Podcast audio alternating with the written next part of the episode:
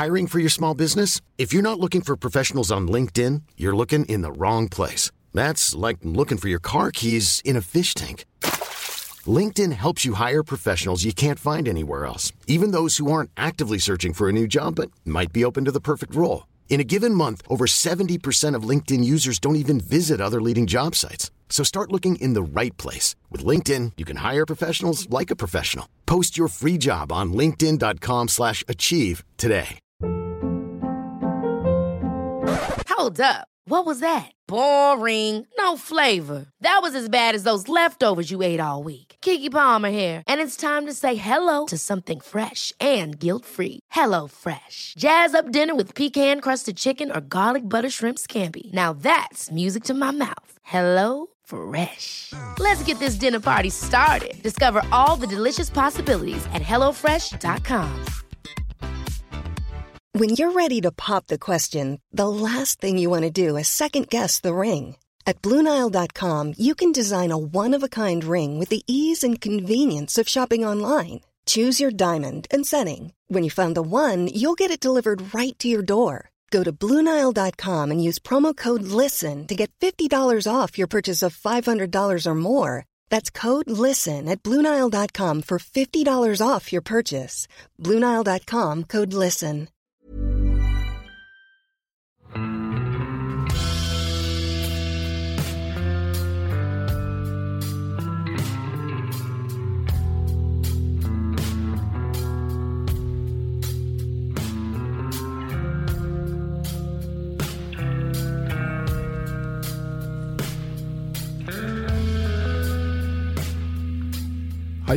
Og skal vi se Skru opp lyden litt. grann. Ba, ba, ho.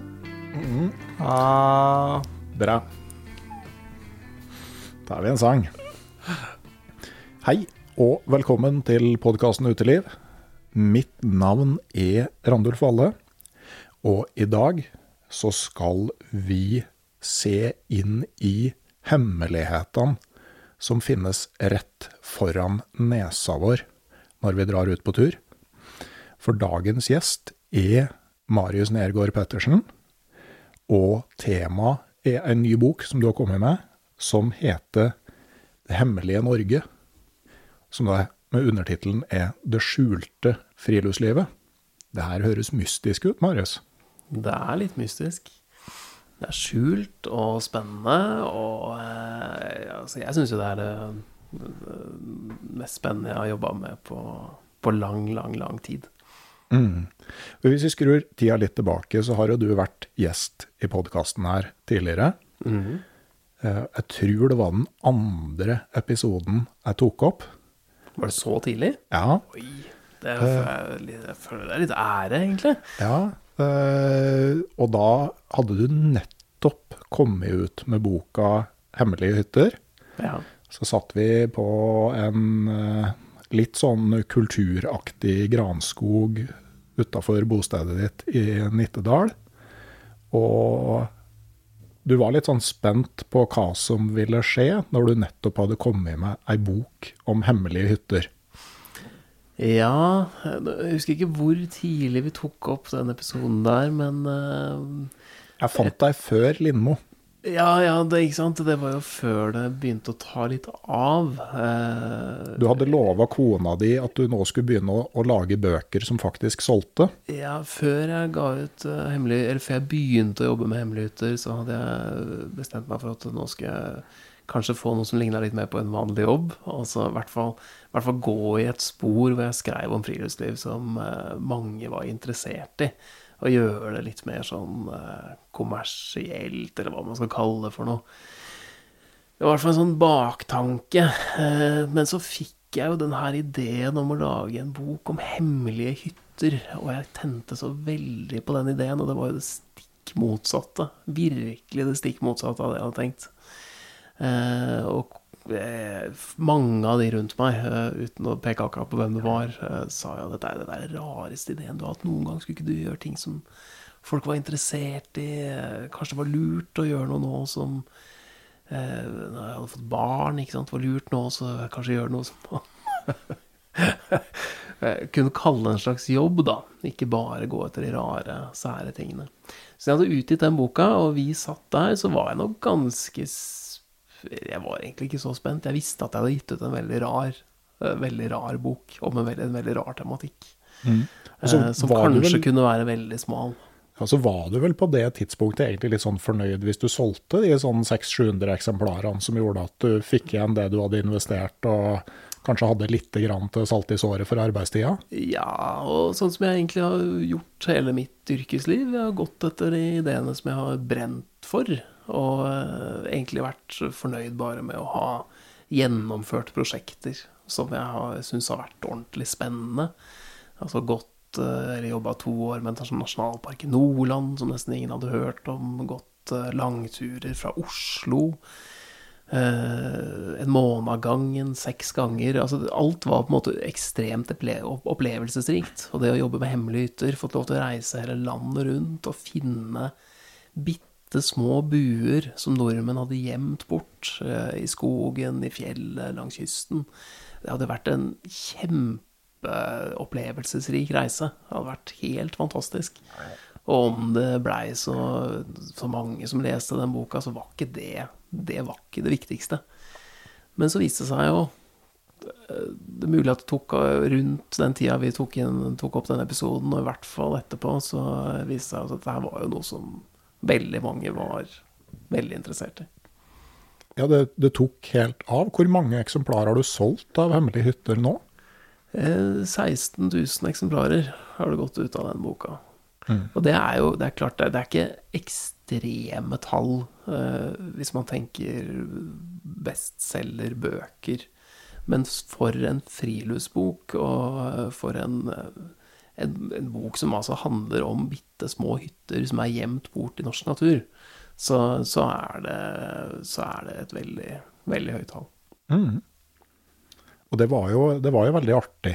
Uh, og det var to av de første episodene jeg tok opp. Det var jo deg, og så var det Torbjørn Ekelund med Stiens historie.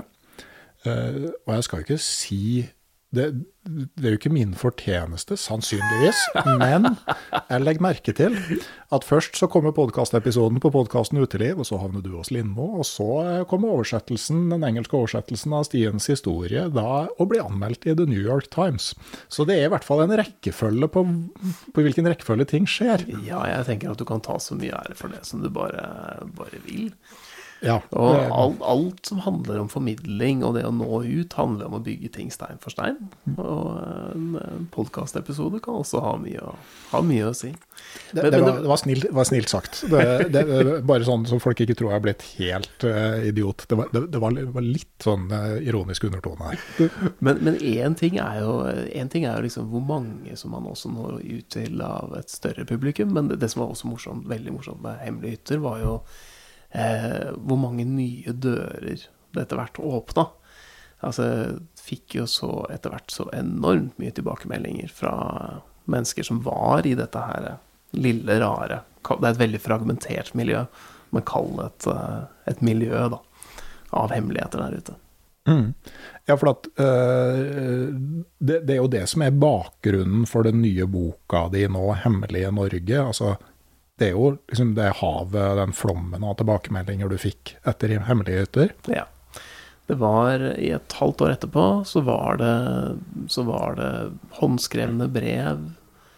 Ikke hver dag, men uh, i hvert fall en gang i uka. Det var uh, meldinger, e-poster uh, i alle slags mulige sosiale og gamle medier hver eneste dag.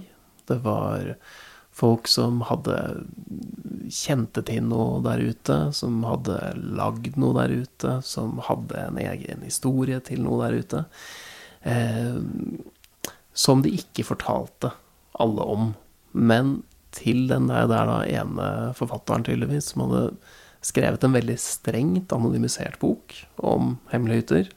Jeg hadde jo ikke brukt stedsnavn, jeg hadde ikke brukt etternavn på kilder. Jeg ville bare fortelle om en kultur som eksisterer. Eh, fortelle historiene om mennesker som har et tett, tett forhold til natur. Og eh, alt var jo da hekta på, på hemmeligheter. Eh, men for meg så handler det jo om deres kjærlighet til og forhold til, til natur. det, det ga tydeligvis en en veldig sånn Jeg fikk lov da, til å plutselig bli fortalt en hel haug av andre hemmeligheter her ute. Og det var jo, det var jo mye, sånne, mye, sånne, steder som folk hadde. Eh, små buer. Eh, men det var også så, en, så mye annet. Det var eh, alt fra det derre vanlige hemmelighetene som folk har. Sånn soppsteder og fiskevann og noen som tok kontakt og bare ville fortelle, fortelle om at eh, jeg har kanskje ikke en hemmelig hytte, men jeg har sønnen min og jeg vi har en bålplass som vi drar til to ganger i året. Og det er bare vi som drar akkurat dit. Eh, og den tar vi ikke med oss noen andre til noen gang. Sånn ganske vanlige ting som folk har ute i naturen, til de der mer sånn ekstreme ytterpunktene. Med folk som virkelig tar seg til rette. Ja. Og da falt det naturlig for deg altså å lage det, det, blir jo en oppfølger til Hemmelige hytter, det her, men som ser litt videre på det med ting som skjer ute i naturen. Ja, det er, det, er, en oppfølger. Uh, utgangspunktet var at jeg tenkte at her er det så mye aspekter ved den uh, hyttekulturen som jeg ikke har tatt tak i, um, og som fortjener Hadde fortjent et kapittel i, i, den boka jeg egentlig allerede hadde gitt ut. Uh, men så tenkte jeg etter hvert at det var morsomt å sette på nordmenns hemmeligheter i norsk natur i et videre perspektiv. Så, så jeg, jeg, går nå inn med et mer sånn fugleperspektiv på, på hemmeligheter generelt. Alt fra områder vi ikke forteller om, til, til disse små hyttene og ørsmå ørsmå tingene der ute. Mm. Men jeg tenker sånn, når du ga ut den første boka, og det var så grundig anonymisert som du, som det jo var Jeg vet du bl.a. fikk en bekymra e-post fra en av mine turkompiser eh, underveis i skriveprosessen, som var ganske bekymra for om du skulle begynne å navngi ting som ikke burde navngis. Mm. Eh, men det at du gjorde det på den elegante måten du gjorde, har du på et vis blitt en sånn slags psykolog for alle som eh, har en hemmelighet. Altså sånn, eller i hvert fall sånn du, Det er jo sånne hemmeligheter som du egentlig er sprekkeferdig etter å fortelle noen om, ser jeg for meg. Og så har du plutselig en du kan fortelle det til som du vet at klarer å holde kjeft. Ja, bare for, for, for, å si det først, det var jo en veldig vanskelig balansegang. Og hvordan skal jeg gå inn i den tematikken her? hvor kan, kan, jeg i det hele tatt gå inn og begynne å skrive om ting som skal holdes skjult? For jeg mener jo sjøl også at det skal holdes skjult. Eh, jeg kommer jo fra en sånn kultur sjøl. Eh, vokste jo bl.a. opp med en onkel som hadde hemmelige hytter. og eh, Hold kjeft-koier var en sånn gjennomgangs, et gjennomgangsbegrep i historien hans. Og Hold kjeft-klubben i det hele tatt, hvor, du, hvor det fins fiskevann, klatrevegger, steder der ute som man ikke prater høyt om. Eh, og jeg, jeg, er også en, på en måte en del av en sånn hold kjeft-kultur, og jeg mener at, eh, at eh, det ikke skal prates høyt om absolutt alt, og alt skal ikke overforklares. Men kunne jeg gå inn i det og beskrive det som en kultur? For jeg syns jo det er veldig viktig at vi beskriver alle aspekter ved friluftslivet vårt. Eh, for å vise hva natur faktisk betyr for oss, og eh, vise hva det er vi eventuelt mister den dagen, den dagen vi ikke har de samme mulighetene som vi har i dag. Kan jeg gå inn i det? Kan jeg berøre alle de spennende historiene som ligger der, og sette det sammen til noe? Fant etter hvert ut at jeg kunne gjøre det, hvis jeg, hvis jeg anonymiserte strengt. Ingen stedsnavn, ingen etternavn, til og med litt villedende informasjon. Altså, alle historier er sanne, men en og annen av dem kan jeg kanskje putte på noe som, eh, som kan villede eventuelt noen som vil prøve å finne ut hvor dette er, eller hvem det er snakk om. Så jeg fant ut at ja, jeg kan gjøre det. Ga ut den boka. Og ja, det er nok sånn at, eh, sånn at veldig mange der ute har lyst til å fortelle sin historie. Og dette er historier mennes om mennesker og steder som mennesker har et, har et veldig tett forhold til. For noen som er noe sånn bitte lite skjult der ute, noe av det viktigste de har hatt i livet sitt. Eh, og det da altså plutselig ha en som er oppriktig interessert, som de kan fortelle denne historien til, det, det blei nok derfor, eh, derfor jeg fikk så mange tips. Ja, og jeg tenker når folk snakker om den bålplassen som bare dem drar til å bruke, så, så er jo det på en måte en sånn hemmelighet som altså Sjøl om du ser den bålplassen, så har du på en måte ikke avslørt hemmeligheten. Nei, nei, man har ikke det. Men, eh, men for dem så er det nok viktig at eh, at den ikke blir et sånt allemannseie. Ja, det er klart, men, men det er litt sånn Når du begynner å gå ned på det planet der, så kan du gå Altså hvis du ser ei hemmelig hytte, Ja. så skjønner du at du har funnet en hemmelighet. Mm. Men hvis du går forbi en hemmelig leirplass, Så er det bare en plass. så er det ikke sikkert du forstår at det er det når Nei. du går forbi. Og det er det jeg syns er veldig interessant eh, med, med den tematikken jeg har jobba med nå i Hemmelige Norge. Det er jo at eh, hvis du først begynner å dykke inn i sånt, så er det veldig mange lag av eh, Hemmeligheter er jo litt sånn, litt sånn barnslig begrep, men det er jo mitt, det er mitt utgangspunkt. Det skjulte, det mystiske, det vi ikke prater høyt om. Og det, det er mange sånne lag av, av hemmeligheter der ute et område, et skogsområde. Altså jeg har jo et sånt område selv. Det er bare en sånn liten oase av, av skog hvor veldig få, få går. Eh, jeg kan jo si såpass at det, det er ikke så langt fra der jeg vokste opp. Jeg fant det i tenåra. Eh, som egentlig består av ganske, ganske anonyme, kjedelige fiskevann og ganske anonym, kjedelig skog. Men det er et område som jeg har gått i nå i årevis, og jeg har aldri møtt andre mennesker der. Eh, og det området der, hvis du, hvis du bare går igjennom det, så tenker du ikke over det som kanskje noe spesielt eller noe stor oppdagelse i det hele tatt. Men for meg så er det et område som jeg aldri kommer til å skrive en artikkel hvor jeg skriver akkurat hvor det er. Eh, jeg kommer aldri til å, eh, til å ta med masse andre mennesker der for å fortelle om mine opplevelser der. Dette her er mitt, mitt lille område. Og jeg syns det er veldig interessant å dykke inn i, inn i det. Altså hvorfor knytter man seg til, til sånne steder? Hvorfor knytter man seg til en bålplass ute i skogen? Og hvorfor knytter man seg til et soppsted eller fiskevann? Eller ofte så kan jo det være fordi det er veldig gode høstingsmuligheter der. Og, eh, og eh, rent sånn logisk så ønsker man å ha soppen og moltene og fisken for seg sjøl. Men ofte så er det også en opplevelse av å ha noe eget. Av, en, av en, rett og slett en eierskapsfølelse. Som mange har til noe i skogen eller på ferie. Mm. Og så er det òg liksom på en måte da Du kjemper jo mellom den trangen til å holde det hemmelig og den lysten til å fortelle om det.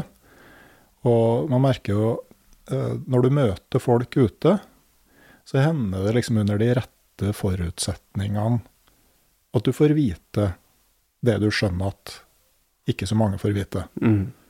Det er i vår. eh, hele familien var på tur et sted i nærheten av Trondheim. Og hadde hatt ei fin overnatting eh, ved et vann som ligger liksom en måte ganske sånn logisk til. Og rusla ned igjen derifra, og en eldre mann som tok oss igjen. Og jeg tror han blei veldig sånn rørt av de to jentene på da liksom eh, i tidlig skolealder og i barnehagealder som gikk hånd i hånd nedover der, og at det minna han veldig om da han hadde unger sjøl. Så blei han litt mjuk om hjertet.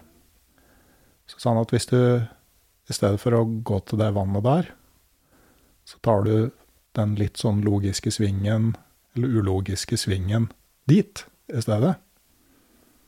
Der er det et helt annet fiske.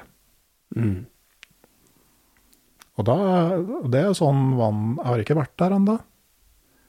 Men jeg kjenner på at det, det er jo da Da har du på en måte fått et lite sånn ansvar. Det blir ikke en uh, firesider i alt om fiske derifra, om det skulle vise seg å slå til. Nei.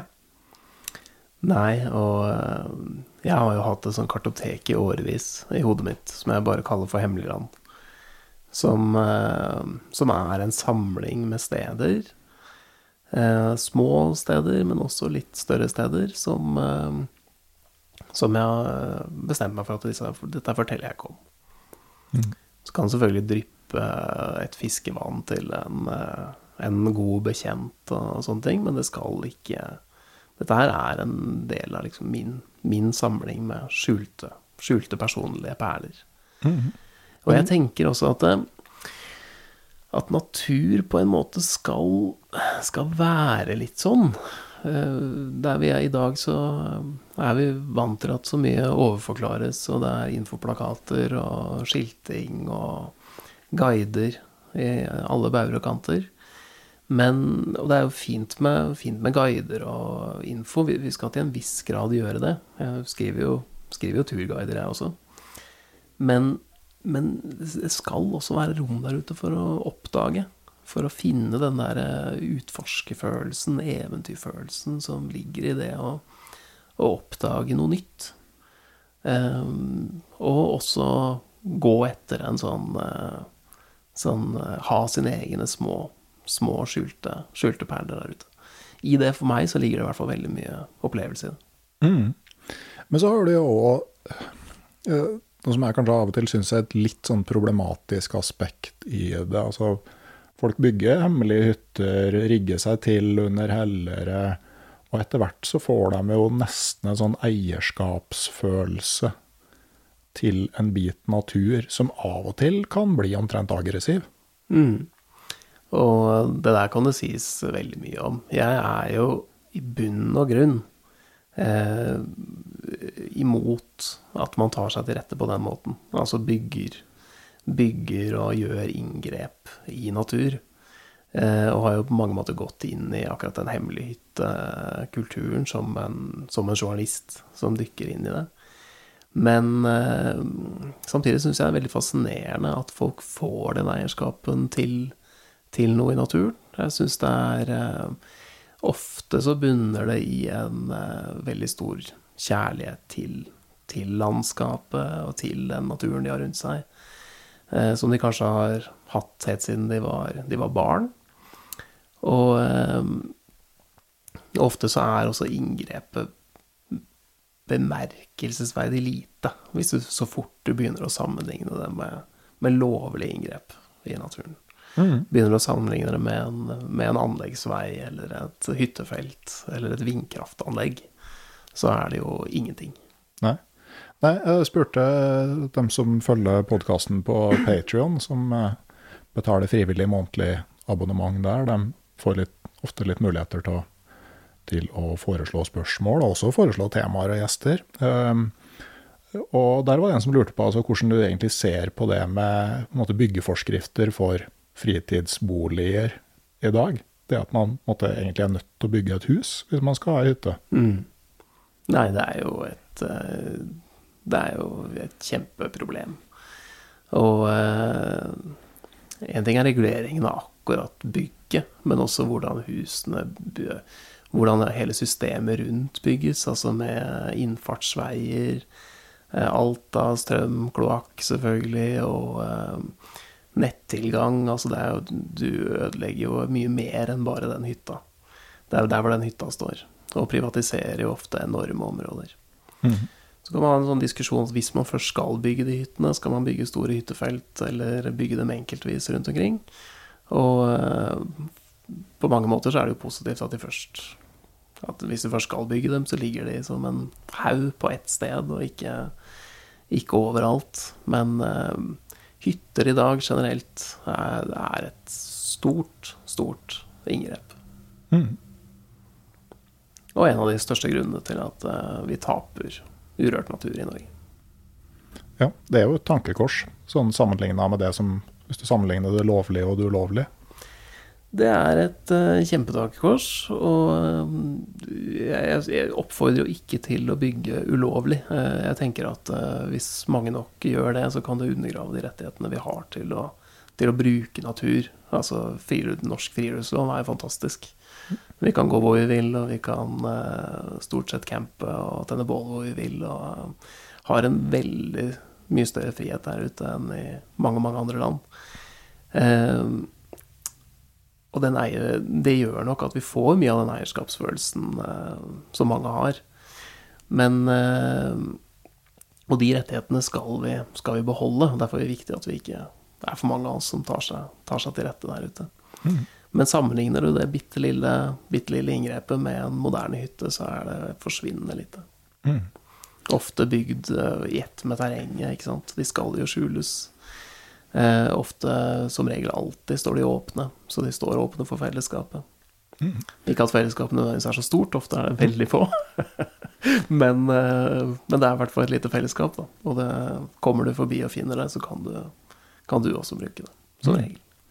Jeg har jo bodd eh, en stund nordpå, og litt sånn eh, en litt sånn middelvei der, da. Jeg vet jo, kjenner flere som, eh, som har overtatt sånn gamle Gammer kalles det jo i Finnmark, sjøl om det egentlig ikke er bygd som er gamme.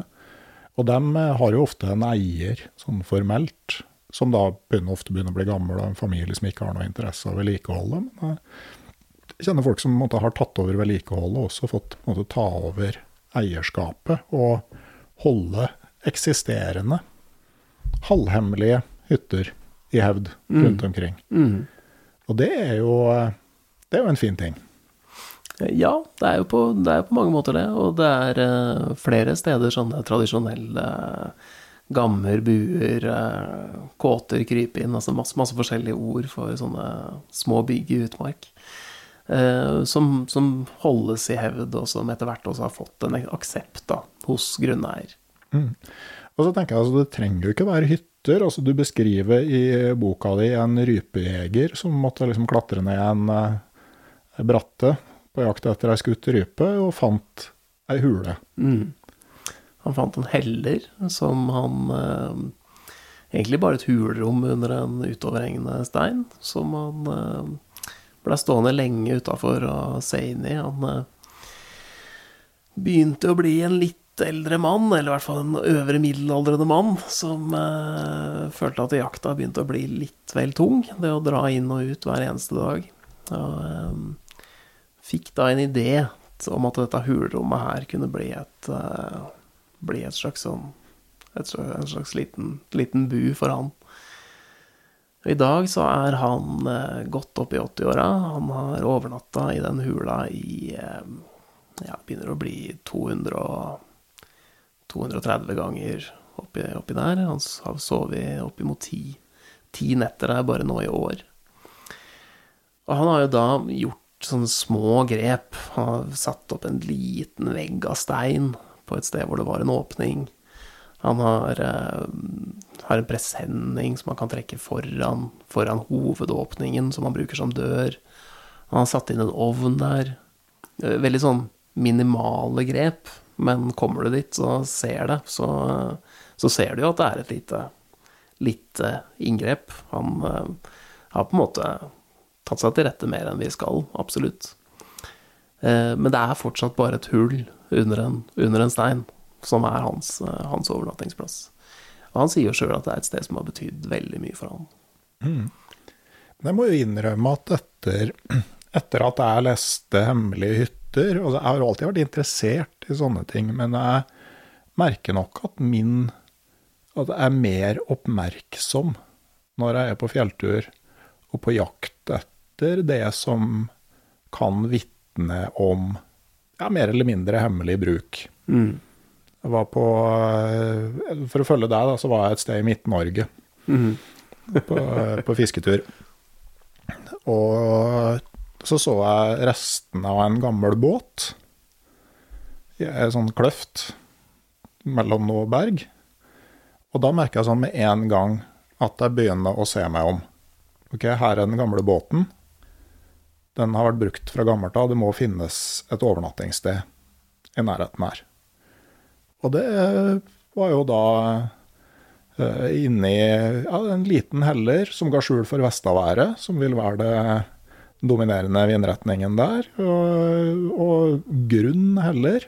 Men når du begynte å se, så var det tydelig planert ut og, eh, og flata til, sånn at man kunne ligge under der. Og eh, turkompisen min snakka med den som eier området i dag, et privat område, som kunne eh, fortelle at det var bestefaren hans da, som ja, på fiske gikk inn dit, hadde båten der, sov under helleren der. Og kanskje også et sted som er blitt brukt i flere generasjoner før, før han bestefaren igjen også. Høyst sannsynlig. Mm. For det er jo gjennomgående for mange av disse hellerne som fins rundt omkring. Nei, men da har jo jeg inspirert deg faktisk til å se litt nøyere. Og det er jo noe jeg eh, har som, har som mål. Eh, jeg tror ikke veldig mange kommer til å finne konkrete hemmeligheter der ute eksisterende i dag, for de er ofte veldig, veldig godt gjemt. Og det er jo ikke så mange av dem heller at vi finner dem overalt. Men sånn som sånne, sånne overnattingsplasser som det der, gamle hellere, det er jeg veldig på utkikk etter sjøl også. Og hvis man først begynner å se etter det, så finner man dem eh, mye oftere enn man skulle tro hvis man ikke, ikke gjør det. Mm. Finner det nesten eh, Går jeg i fjellet utenom sti, så finner jeg det nesten alltid. Og et sted som helt åpenbart har blitt en eller annen gang i tida brukt som, eh, brukt som overnattingsplass. Du finner litt planert grunn og et utoverhengende steintak. Og kanskje noen gamle eller litt nyere bollrester i ytterkanten. Mm. Veldig vanlig. Mm. Men uh, bortsett fra overnattingssteder, altså hvilke andre hemmeligheter er det du har avdekt og dokumentert ute i naturen? Ja, altså, Nå er det jo fra den kan kalle det vanlige enden av skalaen, som uh, går på folks helt sånn, helt sånn Som jeg nevnte i stad, moltemyrer, fiskevann, til den mer ekstreme enden av skalaen, som er mennesker som uh, som eh, De kan lage sine egne fiskevann. Eh, de driver med tjuvhogst av juletrær. Eh, jakter ulovlig. I det hele tatt mennesker som tar seg litt mer til rette enn det de egentlig, egentlig skal. Mm. Men, men hvordan rettferdiggjør de det? For det er jo i alle tilfeller en grunneier her. Ja, og det er et brudd på loven. Mm. Det rettferdiggjør de på forskjellige måter, men hvis jeg skal si noe generelt om det, så rettferdiggjør det i, eh, rettferdiggjør det i, det, i en sånn eh, Rett og slett en slags form for tett, tett til, I sin egen tette tilknytning til natur. At de har eh, Det er områder som de har brukt i så mange år, som de føler seg så hjemme i at de ser på det som mer eller mindre sitt andre hjem. Og hvor de føler at, eh, at de har en eierrett. Eh, eksempel, dette varierer jo veldig fra historie til historie, men si f.eks. den tjuvjegeren jeg har intervjua i boka, som jeg har kalt for den siste tjuvjeger, for det er ikke så mange tjuvjegere igjen i Norge i dag. Og godt er det, for det er jo en eh, et form for lovbrudd som vi absolutt ikke skal, skal drive med. Og jeg gikk en lang runde med meg selv før jeg bestemte meg for at jeg skulle skrive om det i det hele tatt. Men grunnen til at jeg da valg, til slutt valgte å skrive om det, det var historien til han som tok kontakt med meg og ville fortelle om sin, sin tjuvjakt. Som er en mann som i stadig større grad føler seg utestengt fra elgjakta der hvor han bor. Og det er fordi der hvor han bor, og dette er et fenomen som vi kan gjenfinne i store deler av, av Norge, så har elgjakta gjennomgått en uh, form for uh, En form for elitisering, hvis vi skal kalle det Altså den, det er Det blir vanskeligere tilgjengelig, det blir dyrere, det blir eh, eh, større, større press på å selge andre produkter i, for, i forbindelse med elgjakt. Altså guiding, servering, overnatting i forbindelse med elgjakt. Noe som gjør at eh, bl.a. lokale jegere ikke fremstår som en så attraktiv kundegruppe som tilreisende jegere. Noe som gjør at noen sakte, men sikkert føler seg, føler seg pressa vekk og utestengt fra den jakta som de og uh, tidligere generasjoner av sin familie har drevet, drevet med i uh, mange, mange, mange, mange år. Og han jeg intervjua, hadde det forholdet til, um, til, jakta i sitt område. Følte seg utestengt. Følte at han ikke lenger får, han får ikke lenger sin, sin elgjakt, som er en virkelig stor del av identiteten hans. Og har da til slutt valgt å plukke opp geværet og jakte ulovlig. Mm. Det er ganske drastisk? Det er ganske drastisk. Absolutt. Men du ser jo kanskje altså, Jeg syns på et vis du både på jakt og kanskje på laksefiske spesielt, for så vidt på ørretfiske òg, at eh, du har sett liksom Det blei mer og mer tilgjengelig. Eh, fra gammelt av så var det kanskje mer eksklusivt, så har det blitt mer og mer tilgjengelig. Og så er pendelen i ferd med å svinge tilbake. At, eh, at man, som du sier, kombinerer jakt- og fiskerettigheter med overnatting, med guiding, med uh, fine dining. Mm. Og uh, ting som, som kundene egentlig mange egentlig ikke vil ha. Da. Man vil klare seg sjøl. Ja, det er klart en jeger som har jakta der han har vokst opp siden han, var, siden han kunne jakte, og har gjort det sammen med faren sin, som har jakta der hele sitt voksne liv. Som igjen jakta der sammen med bestefaren i hele sitt voksne liv, og som eh, er en jeger som fortsatt bor like i nærheten av der han jakter. Eh, Han har ikke noe behov for å betale for noe annet enn det, den jaktlisensen til å jakte der han jakter. Eh, og han vil også gjerne fortsette å gjøre det på samme måte som han, som han alltid har gjort det. Eh, og det har jeg forståelse for, men jeg har jo mindre forståelse for at man bryter eh, reglene for å oppnå det. Og eh, eh, den mannen som jeg har intervjua, og en annen tjuvjeger som jeg også har skrevet om i boka, har også kvaler mot å gjøre det de gjør. Blant annet, blant annet bestandsforvaltningen blir jo veldig dårlig hvis vi skal ha jegere der ute som ikke er registrert noe sted, som tar ut dyr som aldri blir registrert noe sted. Så eh, absolutt kvaler mot å gjøre det han gjør, men eh, det er så, en så stor del av hans identitet at han velger å, velger å gjøre det ulovlig. Men eh, sånn som det med ulovlig både jakt og fiske, altså det er jo sånn som eh, til en viss grad har prega måten fisket har blitt utøva på i regioner. Jeg vet F.eks. i Altaelva var jo på britiske hender i veldig lang tid, så lokalbefolkningen var utestengt. Men de fiska jo for det.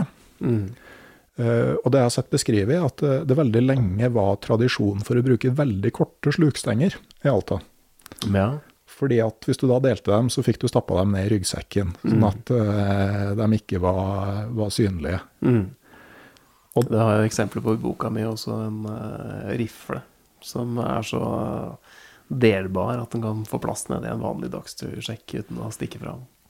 Ja, Da snakker du ikke bare brudd på jaktloven. Uh, Her er det det, er- det er det som er vanskelig med å skrive om tjuvjakt, kan du si. At det bikker jo nesten over i mafia, mafiavirksomhet. Men det er akkurat det aspektet ved, ved den her for å ha altså, denne følelsen av utestengelse som jeg ønska, å ta tak i. Men så tar det jo i seg både det med tjuvjakt og, og tjuvfiske, for at uh, det har du ikke skrevet sånn veldig mye om. Det foregår jo fortsatt mye rart i gytekulper for både laks og ørret utover høsten. Jeg vet jo, det var noe altså sånn, I en del finnmarkselver så gikk det jo historier om eh, kamuflasjekledde folk med garn i, i seine høstkvelder. Og, og, det, og det er jo noe på en måte sånn djupt primalt i oss som ser den fisken som riktignok er sprekkgyteferdig og ikke av beste kvalitet, men man ser liksom mat. Ja, mat. Og så tenker jeg at det er jo en form for kultur som har etablert seg gjennom eh, massevis av generasjoner. Vi har jo hatt en tilgang på natur som, som vi har kunnet ikke utnytte helt fritt i de siste generasjoner, selvfølgelig, men vi, det ligger nok dypt i oss at eh, vi har en eierskap til det som er der ute, og som ikke er gjennomregulert, sånn som natur som regel ikke er. Det oppfattes jo som eh, noe som er, av i hvert fall veldig mange nordmenn, som noe som er fritt for, for oss. Ja, eh, men det er jo Jeg sitter nå og leser litt sånn eh, gamle bøker om lakseforskning og lakseforvaltning. Professor Knut Dahl, som ga ut en bok i, i 1929 som heter om laks og laksefiske. Men det er ganske interessante greier. Hvor han skriver da han begynte å bli en voksen mann. Han skrev fra slutten av forrige århundre, altså slutten av 1800-tallet. Han eh, ble fortalt om, altså Da var det jo en del reguleringer på laksefiske, men uh, lokalbefolkningen i en liten vestlandsdal de samla seg utpå høsten og gikk med garn og not nedover hele elva. Mm. Tok på land det de klarte, og delte det seg imellom. og han, han, han var jo ikke Han syntes jo ikke det var riktig, men samtidig så var han veldig tydelig på det at altså, hvis man hadde liksom en siste liten rest av urmennesket i seg, Mm. så var det absolutt mulig å forstå drivkraften bak. Mm. Ja. Jeg, jeg, jeg tenker det samme. Mm, og det merka jeg jo òg i fjor høst. Jeg var på høstferie med de to jentene mine. Og da ramla vi borti et litt sånn spesielt vassdrag hvor to store vann hadde ti meter bekk til gyteplass. Og det kokte med ørret uti her, sånn fra to kilo til halv kilo. Og det var sånn Altså, det ønsket om å få tak i den fisken var Det var sterkt, det. Det var sterkt, det. Mm. Mm. Og så skal vi jo i dag selvfølgelig fremme et ideal om at vi ikke prøver å få tak i akkurat den fisken, med dagens uh, ganske pressa bestander både av eh, fisk og dyr, så, så skal vi være forsiktige med det. Men at man kan forstå det, det, det syns jeg at vi kan, kan si at vi, at vi kan. Ja, og jeg tenker jo da, hvis man da kan konvertere den trangen til å sanke Altså hvis man klarer å da være fornøyd med å se, Mm. så er jo det faktisk sånn tips nå for eh, mørke høstkvelder. Mm. Laks og ørretelver. Finn grunne, rolige partier og se på gyting. Det er fantastisk. Og i tillegg så gjør du jo da en tjeneste bare ved å være der. Så gjør du det umulig å være der for dem som ikke har bare hensikt til hensikt å titte på. Mm, absolutt. Og bare den opplevelsen ja, av å observere noe sånt, det er jo helt, helt fantastisk. Mhm. Men, eh, men sånn med fiskevann nå, altså sånn eh, Der er man jo over i noe som er helt klart ulovlig. om må begynne å flytte på eh, Begynne å sette ut fisk, ja. Ja. Ja, jeg har dokumentert to, en far og en sønn, som, som er i ferd med å lage et par, par fiskevann. Eh, blant annet et vann de da kaller for Elgputten, som ligger på en, eh, en myr i en skog hvor veldig få andre, andre går. Og de har funnet ut, da, etter eh, observasjoner De har gjort det ganske samvittighetsfullt. eh, observasjoner av vannet, hvor de har funnet at det ikke er noe F.eks. en salamanderbestand i, i vannet. Så har de begynt å flytte, flytte ørret fra en nærliggende elv, også noen da 100 meter, til et, eh, til et gjenvokst myrevann som ligger Eller er et tjern som ligger litt høyere opp i samme vassdrag. Hvor det er eh, gjennomgang av vann, men det, ikke, det henger ikke sammen på en sånn måte at ørreten klarer å svømme opp der sjøl. Så der prøver de da å utvikle sitt, eh, sitt eget hemmelige fiskevann. Og målet er jo da etter hvert å kunne gå der og hente ut uh, stor, stor, flott og rett som bare de veit at det er der. Mm. Og det er, jo, det er jo miljøkriminalitet, så de holder jo dette her uh, så tett i brystet som de, som de bare kan. Bortsett fra å fortelle en uh, forfatter om det. Men igjen, da. Det er et prosjekt som de legger veldig mye, mye energi i. Så de hadde veldig var vel interessert i å fortelle, fortelle historien sin om hvorfor de gjør det. Ja, og det er jo en sånn djupt gjenkjennbar historie, det her òg. Altså, Det har jo foregått i Norge siden steinalderen. Ja. Noe av det eh, Noe av det tidligste Tidligste tegnene på, på eh, befolkning i Norge, eh, blant annet oppe i høyfjellsområdene, så er det jo funnet, funnet fiskebein i forbindelse med steinalderboplasser. Og den eneste måten eh, den fisken kan ha kommet dit, er hvis vi bar den dit. ja, jeg prata jo med Lars Nilsen om det her. altså Dere som er litt nye til podkasten, kan bla dere tilbake til den andre sesongen, eh, hvor det er to episoder med ørret og avsporinger med Lars Nilsen, hvor vi snakker om eh, en god del sånne ting som det her på Selvsagt da også et rent hypotetisk grunnlag. Og eh, og det å bære fisk til vann, det har vi drevet med i da tusenvis av år. Eh, Men så har det jo etter hvert eh, kommet til et punkt hvor vi er så mange i dette landet, og det er såpass, såpass sårbare bestander av diverse ting rundt omkring som gjør at vi helst ikke skal drive med det på et privat initiativ. Ja, så, så er det jo det at man har jo mer og mer forstått eh, hva som kan gå gærent når Ja. man, man gjør sånne ting. ikke sant? Altså, det at man har en sånn forestilling om at det er fiskere med levende ørekyte i en blikkboks som har spredd ørekyta rundt omkring. altså man går det litt nærmere etter i sømmene, så er det jo mange plasser at det har vært ørekyte i settefiskdammene. Mm. Sånn at fiskekultiveringa har eh, jo gjort helt andre ting enn det den, eh, det den hadde eh, tenkt. Da. Sånn at eh, det er jo mer Og eh, jeg så en rapport nå. eh, Det har jo vært eh, et prosjekt som har gått nå på hvorvidt man skal prøve å få venerlaksen opp igjen i Trysilelva. For eh, hvis du går liksom 100 år tilbake i tid, så gikk det jo laks opp i Trysilelva. Eh, Og man har vurdert nå eh, om man skal gjøre et forsøk på å få den tilbake dit, forbi vannkraftverk og sånne ting. Men jeg så den rapporten, da. For det første så er det jo gyro, gyrodactylus salaris, på østersjølaksen. Mm. Eller på venerlaksen, mener jeg. Og så for det andre, det som sto eh, Man har risikoen for det man i dag ikke kjenner til. Og det er nok noe man har blitt eh, betydelig mer eh, observant på. At, altså, vi vet ikke alle konsekvensene av det vi gjør. Nei, og det er jo sånn som uh, Vi vet ikke konsekvensene av alt det som ble gjort tidligere heller. Ja, sannsynligvis så har vi forandra økosystemene noe voldsomt med å sette ut all den fisken vi har satt ut for x antall generasjoner siden. Eh, Så vi har nok alltid påvirka miljøene med fiske, fiskeutsetting.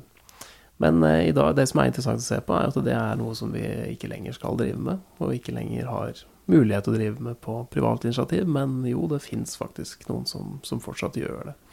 Og de var jo De sier jo selv at eh, at de har veldig stor fascinasjon for det der å starte en, en biologisk prosess.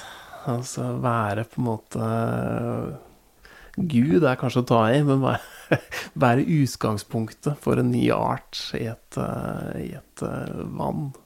Det var noe de ser på som voldsomt fascinerende. Og selvfølgelig så ligger det en veldig sånn mystikk i det der å komme tilbake til et vann som bare du vet at det eksisterer, eksisterer fisk i. Fiske den fisken og vite at det faktisk er du som satte den ut der. Ja. Eh, Jeg har jo en tendens til å komme tilbake til den svenske forfatteren Hans Lidman i den podkasten her. Han har òg en historie om det her hvor de bærer en del ørreter i ei trebøtte med sånn uh, påle. Den ene går foran, den andre bak. Henger bøtta oppå en eh, staur og har på skuldra. Bærer den mellom seg, og det her er en lang marsj, og det gnager på skuldrene, og de går gjennom myr og tømmer ut mer og mer og mer vann fra den bøtta, og liksom spurter til neste bekk, hvor de eh, får på nytt vann, og, og kommer til det tjernet de har satt seg ut langt, langt, langt innpå. Og så er det vannkalver der, sånne store biller. Og dem, når de setter ut ørretyngelen, så ser de at de kommer og spiser ørretyngelen. Og den blir så frustrert at den drar aldri tilbake dit. Og så eh, får de høre da rykte om en annen en som har vært i et lite vann, som minner mistenkelig om det her, mange år seinere, og har fått en umengde med gigantiske ørreter. Så drar de tilbake dit, så får de én sånn fisk som gulper vannkalver. Og eh, det er ganske bittert, da. De gjorde hele arbeidet, og så trodde de at det ikke gikk. Men det, det gjorde det. Og det er jo veldig fascinerende å tenke på også at, eh, at så store deler av ørretbestandene våre er båret dit de er. Mm. At det er vår, vår fortjeneste på mange måter at de er der. Noen har jo selvfølgelig klart å eh, Noen slekter av ørret har klart å komme dit på egen hånd ved å svømme opp elver. Og, men det er begrensa hvor høyt en, eh, høyt en ørret hopper. Og eh, veldig mye er det vi som har transportert dit. Mm. Ja, det er helt klart. Og jeg var på uh, tur i Børgefjell der i vår, og da fikk vi jo snakke med noen som hadde ei hytte ved et vann inne der. og det var sånn bestefaren til vedkommende som hadde satt ut fisk i det vannet. Mm.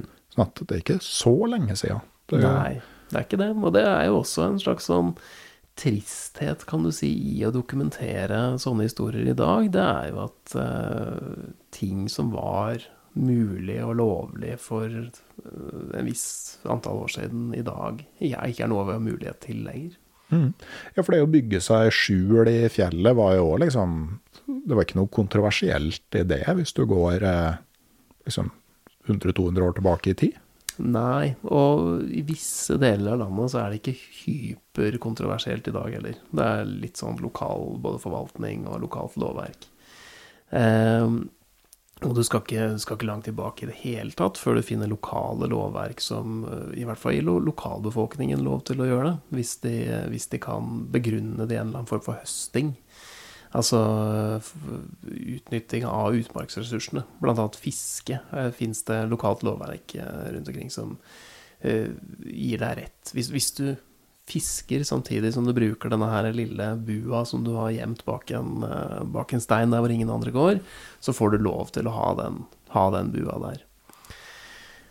Men dette her er lovverk som har overlevd så lenge det har vært et behov for å bruke de, de utmarksressursene. Altså man kunne se at det virkelig hadde noe med folks, om ikke overlevelse, så i hvert fall livskvalitet å gjøre. Og i, i dag så kan man ikke lenger si at vi har et regelrett behov for å, for å utnytte utmarksressursene på samme måte, og da er også den type lovverk blitt, står, står mindre sterkt enn det gjorde tidligere. Mm. Ja, og i en del områder så er jo grunneierne måte direkte ute etter å finne og ødelegge sånne bygg. Mm. Og eh, noen aksepterer at sånne bygg står der. Jeg har bl.a. møtt grunneiere som har sagt at eh, ja, det fins Jeg vet at det fins flere hemmelige hytter på eiendommen min, men eh, hvis de hvis de står åpne, hvis, det ikke, hvis det ikke er masse søppel rundt dem, hvis de ikke sliter på, på skogen mer enn de, de må, så, så, aksepterer jeg at det, det, står der. Da greit, da skal det da, da, kan det gå greit. Men så har du jo andre da som er helt, helt har nulltoleranse, og som eh, river og brenner absolutt alt de finner. Mm. Og det der er jo mange av de som driver med de som har bygd sånne plasser, eller bruker sånne plasser, er veldig klar over at, at det er sånn. Så noen er veldig opptatt av å balansere på den knivseggen. Alltid holde seg på riktig side. Aldri ta mer brensel. Aldri skape mer slitasje enn det de absolutt må. Fordi de vet at det da Sjansen for at en oppsynsmann dukker opp og finner det de har, har bygd, blir større og større jo mer de sliter. Der har jeg annet en historie med to karer som har bygd De står der fortsatt. To veldig fine hytter eh, i et skogsområde på eh, jeg sier Sør-Norge. Som, eh, som skjønte at de var i ferd med å bli oppdaga. Altså, de visste at en oppsynsmann lette hadde skjønt at her er det noen som har tatt seg til rette, og eh, lette etter eh, lette etter deres plass, plass. Han trodde nok at det var én plass. Så det de gjorde, det var at de bygde en tredje hytte. de bygde en ikke så forseggjort som, som de to andre, men de bygde en tredje hytte som var akkurat så godt gjemt at uh, hvem som helst ikke kom til å finne den, men akkurat så dårlig gjemt at oppsynsmannen kom til å finne den. Så han, han fant hytta, Uh, Reivnøyhytta, brant den. Jeg har sett skrytebilder av dette her. av stedet da som endelig er funnet og avslørt og, eh, og ødelagt. Og så står det da fortsatt to hytter like i nærheten som eh, kanskje aldri kommer til å bli funnet. Det er vakkert. du må jo selv om, selv om, du liksom ikke skal Selv om jeg skal se opp til en sånn måte å ta seg til rette på, så må man jo Jeg, jeg beundrer litt den derre staheten og den tverrheten som ligger i å gjøre noe sånt. Jeg tenker jo litt sånn, da, at det har vært ganske mye i media og sånn stridigheter nå om hva Kulturrådet skal støtte. Spesielt når det gjelder scenekunst og sånne ting. Så jeg tenker det her er kunst. Det Det, er her kunst. kun, burde man kunne søke om støtte til, og for å gjøre som en sånn slags performance. Det er en form for kunst. Og dette her er jo mennesker som eh, De opptar jo veldig lite plass der ute, og de har en ekstremt tett forhold til de stedene. Altså. Har brukt det masse, masse, masse.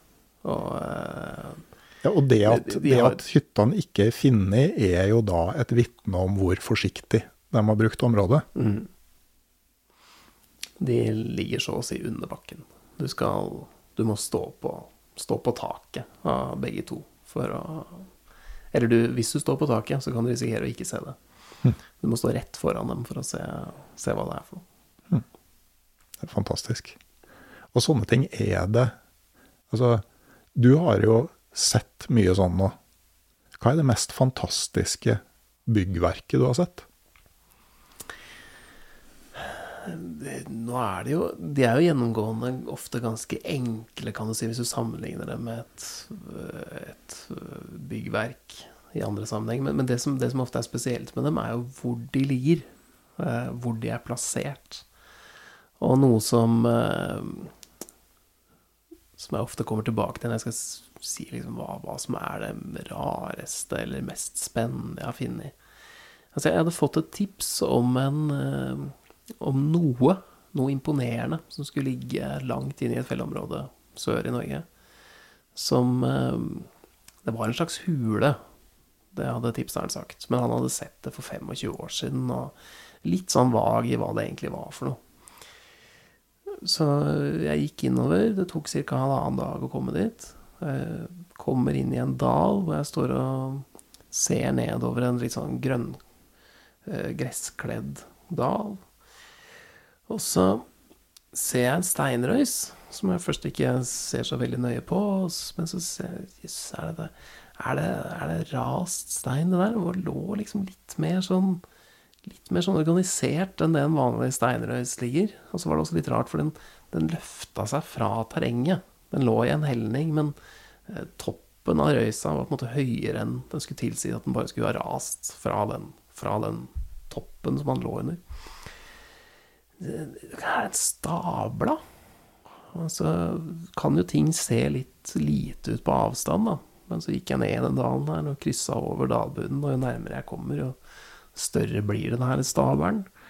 Den ser ut som den er tre meter høy, det ser ut som den er fire meter høy, og så kommer jeg fram og konkluderer med at den i hvert fall være en opp mot seks meter høy. Eh, og det, nå ser jeg jo virkelig at det er stabla, og det er som å stå foran en sånn liten, liten inkaruin midt ute i ingenting. Dette er jo en dal som Det er ikke sånn kjempelang til nærmeste sti, men det er ikke logisk å gå der i det hele tatt. Så jeg klyver da opp på den, og etter å ha stått sett en stund, så tenker jeg at nei, her, dette er bare en haug med stein.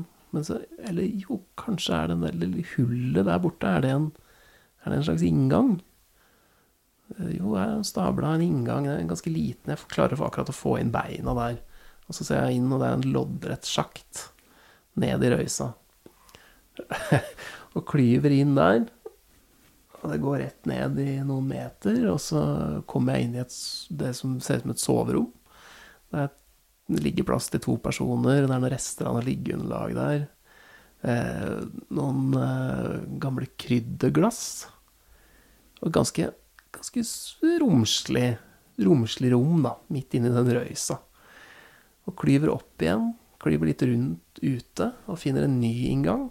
Og der er det et utsiktstårn med utsikt utover dalen. Der er det en ny sjakt ned fra det rommet inn i et, inn i et annet rom. Et slags sånn Jeg konkluderer med at det må være et lager. Så det er, det er fire rom inni en opp mot seks meter høy haug med stein som ligger midt ute i ingenting.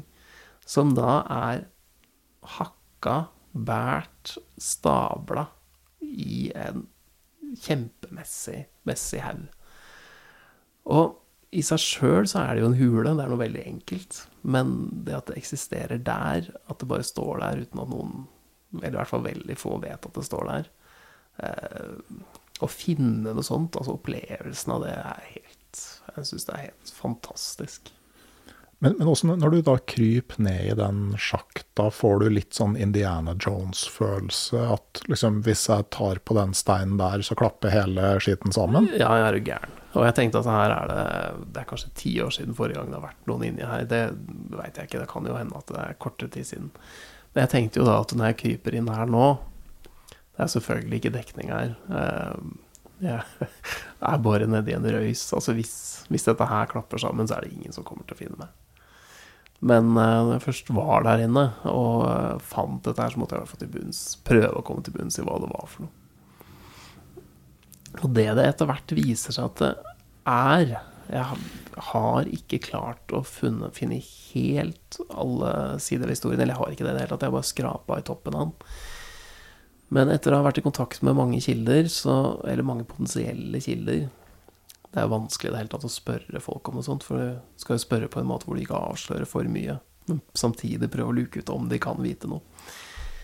Ehm, så det er en kunst i seg sjøl, men eh, jeg fant til slutt en mann som visste at eh, Eller hadde hørt rykte, han hadde ikke vært der sjøl, men han hadde hørt rykte om at det var en prestestudent på 1960-tallet som ikke kanskje var eh, Jeg vet ikke, helt jeg vet jo ikke så mye, jeg vet jo egentlig ingenting om han, men kanskje ikke var, i hvert fall, i hvert fall ikke en veldig sosial person. Som brukte to somre på å være bare der, og på å lage dette her byggverket. Og så skal han ikke ha kommet tilbake igjen etterpå. Men for 25 år siden så veit jeg at det var en mann som bodde der fast hver sommer. Eh, I lange perioder i strekk. Og ifølge historien så gikk han i dress, altså pen dress, og barbeint. Og når han så mennesker for han, han brukte ferdselsrutene i nærheten. Og når han så mennesker når han var ute, så, så løp han opp på en fjelltopp og ville ikke ha kontakt med, kontakt med andre mennesker. Og det er historien. Det er det jeg vet om den plassen her. Så det er jo et, et voldsomt mysterium. Mm. Uh, og veldig, veldig fascinerende. Ja, Overnatta du inne der? Nei, på ingen måte. jeg kunne nok ha overnatta der hadde det vært ordentlig, ordentlig dårlig vær. Men uh, en stor stabel med stein som uh, ikke helt Det har jo stått der i veldig mange år, så det hadde sikkert overlevd. Jeg hadde sikkert uh, kunne bodd der helt trygt, men nei, jeg gjorde ikke det. altså. Mm. Men én ting sånn rent sånn faktiske rasjonelle faren, men måtte, hvordan tenker du mer sånn emosjonelt da, med å trenge inn i en persons festning. Det er noe så, ja. Det er klart, man, man, gjør jo det, men samtidig så er jo det noe som jeg vet at jeg forvalter den kunnskapen eller det jeg finner, på en i hvert fall veldig varsom måte. Og så er det jo også bygd på, på fellesskapets eiendom. Det er jo noen som faktisk har tatt seg rette i et uh, fjellområde som er akkurat like mye mitt som, som hans. Mm. Og det da å utforske hva det er for noe, det tenker jeg at det er, er greit. Mm. Men hvis man ser litt sånn overtroisk på det, tror du vedkommende ville anerkjent at det var et fellesområde og ikke hans? Jeg vet ikke nok om han til å, til å si det. Nei. Nei, men jeg har jo vært borti, borti mange etter hvert som har bygd sånne, sånne steder. Og de mange har et veldig tett knytta forhold til, til det, de har, det, de har, gjort, og ser på det som, som sitt. Men de har også et eh, For det første, som jeg sa tidligere, en veldig sterkt behov ofte for å fortelle om det. Og så, er de jo også helt åpne på at Og det står jo ofte i hyttebøker. Det står på Noen, noen har skrevet det på en liten sånn, lite sånn brev som kanskje står oppslått på veggen i hytta. Finner du denne hytta her, så bruk den gjerne som om den, den er din egen. men ikke fortell andre om det. Mm. Og det er eh, flere titalls sammenlignbare plasser som, eh, hvor akkurat det har stått i en eller annen form. Mm. I boka 'Hemmelige hytter' så fikk vi jo òg bli med deg når du bygde de hemmelige hytter, som da heter 'Hemmelig land'. Akkurat som den lista du har eh, i hodet over hemmeligheter. Hva står det på veggen i Hemmeligland? Der eh, ligger det en hyttebok hvor det står, eh, står akkurat det samme. Finner du denne, så bruk den gjerne som om den er din, som den er din egen, men ikke fortell andre om, om denne hemmeligheten. Og den er det én tilfeldig person som har funnet, som har skrevet seg inn i, eh, i hytteboka. Og det er ikke grunneier. Det er ikke grunneier. Hei, kult. Hvordan føles det at noen har funnet Hemmeligland? Det Nei, det ser jeg egentlig på som helt naturlig, gitt hvordan den, akkurat hvordan den ligger. Men eh, det er klart, det var egentlig bare et spørsmål om tid. Men jeg, jeg skvatt litt første gang jeg leste det, jeg leste det i hytteboka. Absolutt.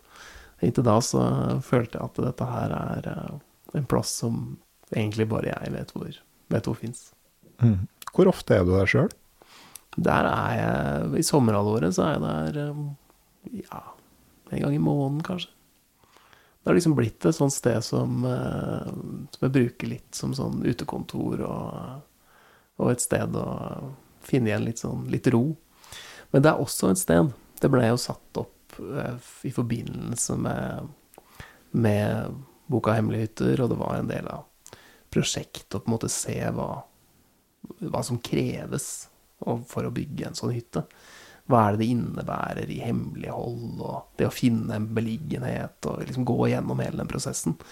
Jeg syns det var veldig interessant. Men som sagt, jeg, jeg er jo ikke i bunn og grunn for, for å gjøre det selv. Så eh, det sitter jo litt langt inne etter å ha bygd et sånt sted. Jeg har jo brukt mange arbeidstimer der oppe. Men den skal nok etter hvert rives. Du tror det? Ja. Mm. Og så skal eh, stedet tilbakeføres til sånn det, sånn det var før jeg begynte å bygge. Mhm. For det er et sted som eh, Det kunne vært satt opp et telt der, og det hadde hatt den samme, samme verdien. Som, et, som et sånt uh, liten, liten bolig. Men uh, da kan du jo i hvert fall liksom lage en liten sånn bronseplakett og feste på en trelegg, da. Her sto Hemmeligland. Ja. Ja, det skal jeg absolutt gjøre. Det hadde vært eh, veldig fint. Men, men etter de to bokprosjektene her nå, altså sånn, på en måte, hva er det du sånn samla har lært, vist, funnet ut? Hva er det som er fellesnevneren for det her? Nei, for meg så har det vært en, eh, en eh, reise i, yt, i et ytterpunkt av norsk friluftsliv. Og det er at Og i det ytterpunktet så driver vi med ting som ikke er åpenbare når man eh, ser på norsk friluftsliv vanligvis, som er en sånn Ofte en øvelse i å følge merka stier og gå til de samme hyttene og se de samme attraksjonene og oppsøke de samme områdene. Um, og det jeg jo ser og har lært, det er at blindsonene i norsk natur, altså stedene hvor du kan stikke deg unna og eh, drive et annet friluftsliv og på en måte slippe litt vekk fra veldig mye av det derre eh, samfunnet, det mas og jaget. Det er en klisjé å si, men det er jo noe vi alt, veldig mange av oss hvert fall søker etter, å finne et sånt sted med en ro. At de blindsonene, de betyr veldig mye for eh, mange flere enn eh, man kanskje skulle tro. Og at det er viktig at vi eh, ivaretar dem. At vi lar det fortsatt være steder som i første omgang ikke er bygd ut, selvfølgelig. At vi bevarer naturen. Men også at vi ikke overtilrettelegger og overforklarer og informerer om absolutt alt. Jeg tenker jo som sagt at uh, de to bøkene har vært litt sånn øyeåpner for meg.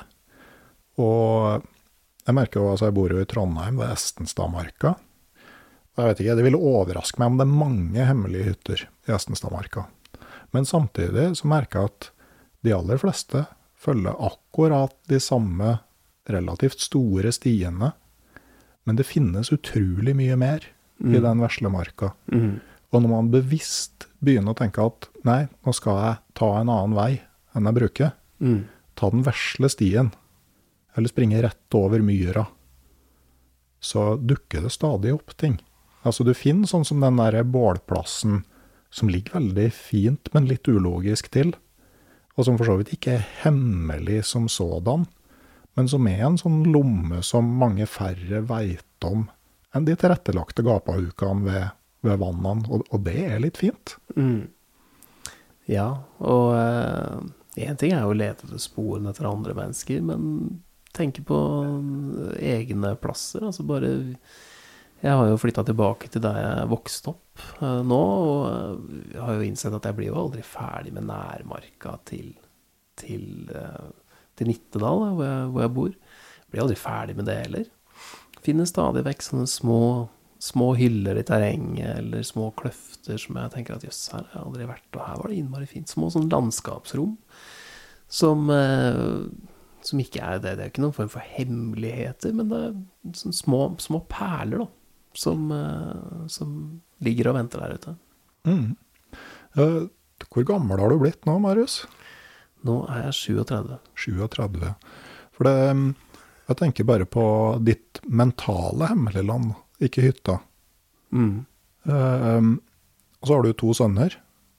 Har du tenkt så langt som at du Har du tenkt på hvor skal Hemmeligland overføres til dem? Ja. Og har du tenkt på en måte på, på risikoen at du skulle lide en plutselig død? Og at liksom At noe må overføres fort, ja. Nei, at du, altså- du må ha en sånn der sikkerhetsmekanisme som, som sikrer at ikke hele Hemmeligland plutselig går tapt? Ja, ja, men altså alt skal ikke overføres. Og, og eh, sånn som beliggenheten til eh, alle disse her, eh, veldig mange av disse hemmelige hyttene som jeg kjenner til rundt omkring, Nei, dette er andre menneskers uh, hemmeligheter, og de beholder jeg for, for meg sjøl. Men, men det er klart, noen av disse her, eh, mine egne fiskevann og eh, sånn, de er jeg i full gang med å overføre, overføre til dem allerede. Det, um, og så er det selvfølgelig noe som kommer til å, kommer til å bli gått tapt på veien. Og, men, men, så, men bare det å lære barn den derre den der oppdagelsesreisen som det er i det å oppdage natur og utforske utafor stier. Og barna mine har en helt annen energi når de går Altså For det første når de går på, de går på sti framfor det å gå på en vei. Men også det å gå utafor stier og finne liksom nye, nye ting. Og jeg har jo innført De er jo fortsatt bare fem og sju år, og jeg har innført hemmelig som et sånt motivasjonsbegrep. Nå skal vi finne en hemmelig vei. Det er jo ingenting som er så gøy som det. De kan, de kan jo gå mye, mye lenger med en gang. De Kan gå dobbelt så langt. Har du lært dem å ljuge om hva de har funnet òg? Ja, ja, ja. Ja, ja, ja, ja. Definitivt. Villedende informasjon. De er så gode. Å, det er vakkert. Ja da. Nei, de kan fortelle at uh, vi har vært på tur uh, på den ene siden av dalen, og vi har vært på den stikk motsatt side. Det er helt Nei, der, der, kommer det til å Skal de lære mye, altså. Ja, det er jo bra at du har starta med overføringa, for jeg tenker på sånn Historien er jo på en måte full av sånne tragedier med ting som har gått tapt. Eh, Kanskje det, det tristeste eksempelet er jo pannekakene til polarkokken Adolf Lindstrøm, hvor oppskriften gikk i grava med han. Det er jo bare trist. Ja, det er fryktelig trist. Jeg har sett en sånn rekonstruert oppskrift basert på hva liksom de som var med på samme ekspedisjoner, som han liksom klarte litt stjålent å se at han gjorde. Men eh, hotkjekkene til Lindstrøm, de er tapt for verden. Nei, men også, så er jo bøkene, ikke sant, 'Hemmelige hytter' og 'Hemmelig Norge', de er jo et forsøk på å lage en sånn liten tidskapsel av, eh, av nordmenns eh, skjulte ting i naturen anno 2018 og 2021. Og det er jo veldig interessant i en sånn tid hvor vi kanskje føler at uh, veldig mye er gjennomregulert og uh, overforklart. At uh, vi fortsatt stikker oss unna der ute og gjør ting som ingen veit om. Mm. Ja, og jeg tenker jo en del av det du har dokumentert her, det har jeg jo ikke sett noe annet sted. Altså at du dokumenterer tjuvjakt og en kultur for ulovlige våpen til tjuvjakt. Altså det, det, det er jo åpenbart galt, men når det nå først fins ute der, så er det jo faktisk interessant at det er eh, noe man da kan peke på om 50 år og si at jo, i 2020 så var det nordmenn som tjuvjakta elg og hadde spesialutstyr for det. Mm.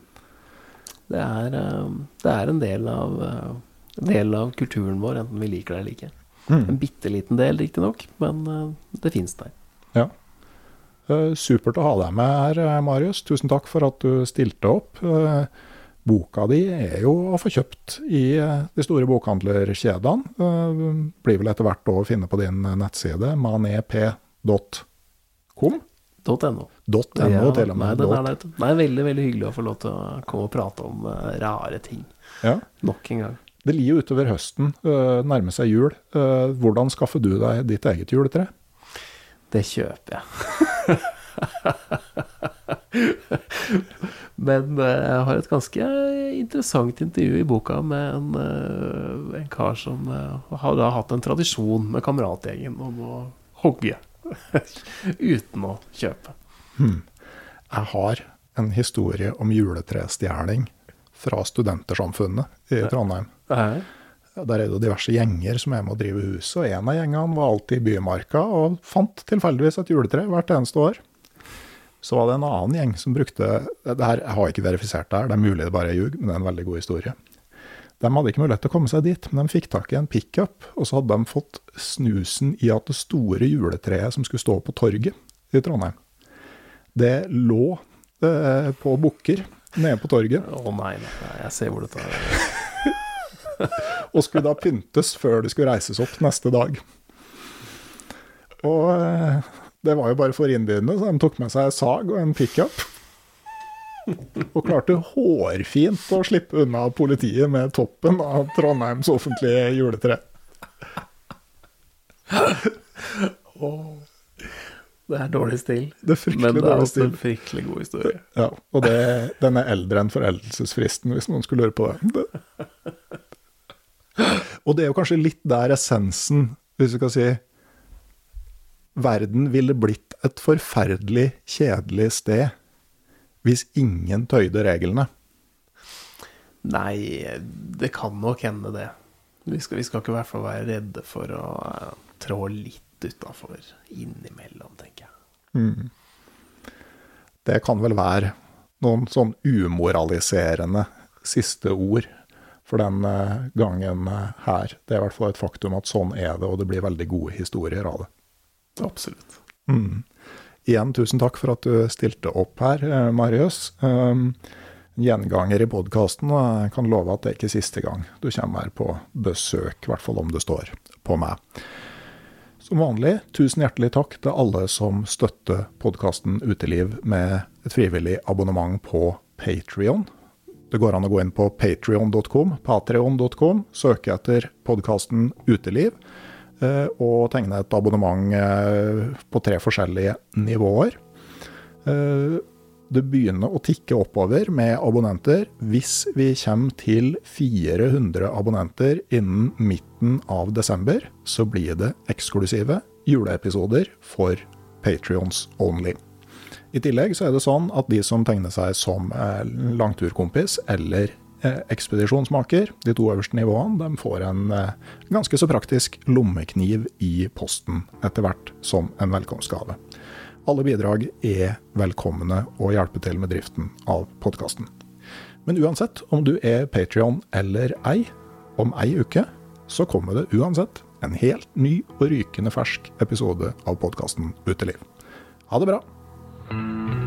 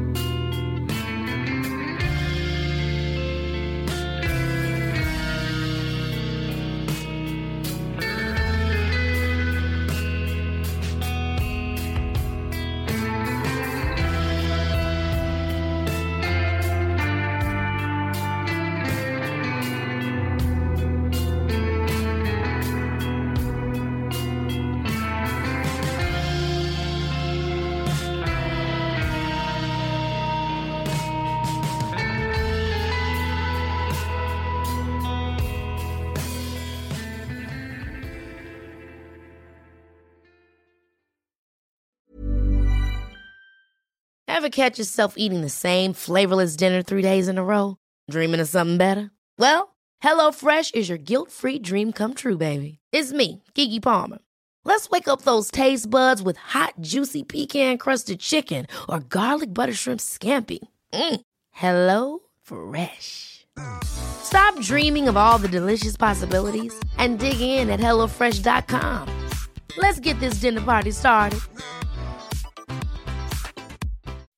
When you make decisions for your company, you look for the no brainers. If you have a lot of mailing to do, Stamps.com is the ultimate no brainer. Use the Stamps.com mobile app to mail everything you need to keep your business running with up to 89% off USPS and UPS. Make the same no brainer decision as over 1 million other businesses with Stamps.com. Use code PROGRAM for a special offer. That's Stamps.com code PROGRAM.